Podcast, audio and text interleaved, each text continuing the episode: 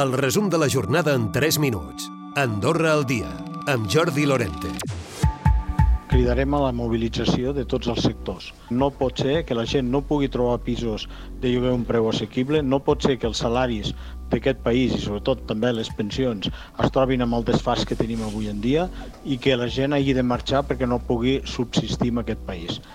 Els sindicats sortiran al carrer, així ho diu Gabriel Ubach, secretari general de l'USDA, per demanar un increment salarial digne que permeti mantenir el poder adquisitiu de la ciutadania. Es mostra el sindicat decebut davant la proposta que va presentar al govern, un govern, diu, sense solucions per poder tirar endavant amb aquesta problemàtica, especialment de l'habitatge. Una vegada més, nosaltres parlem de naps i el govern ens torna a contestar amb cols.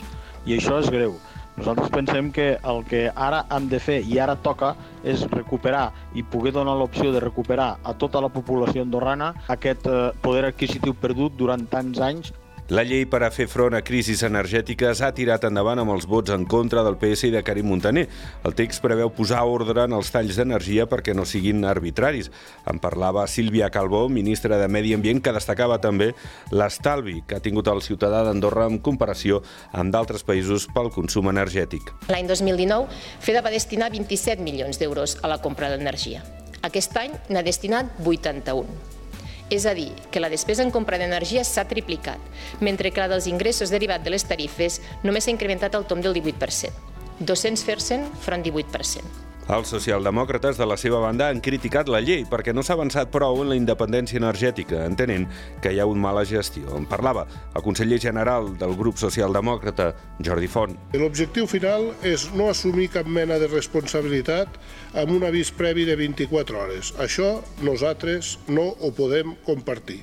La cònsul major de la Massana ha estat a la rèplica d'Andorra Televisió. Ha explicat que els acords amb els propietaris dels terrenys afectats pel vial van per bon camí. També ha dit que la Massana ha assolit un estalvi energètic de prop del 50% i intercanvi de retrets en camp pels temporers eh, que dormen al carrer. La majoria ha assegurat que es van anticipar el problema i que les guàrdies de policia i circulació han demostrat eh, que no era una situació real, mentre la minoria criticava que no se'ls tingués en compte a l'hora d'afrontar aquests temes, tot i reconèixer que l'actuació dels cossos d'ordre havia apaivagat força la situació i pràcticament tots els comerços i establiments compten amb els nous TPB digitals però, per contra, encara no tenen una alternativa per a les persones amb dificultats de visió, que no poden inserir el número secret amb autonomia.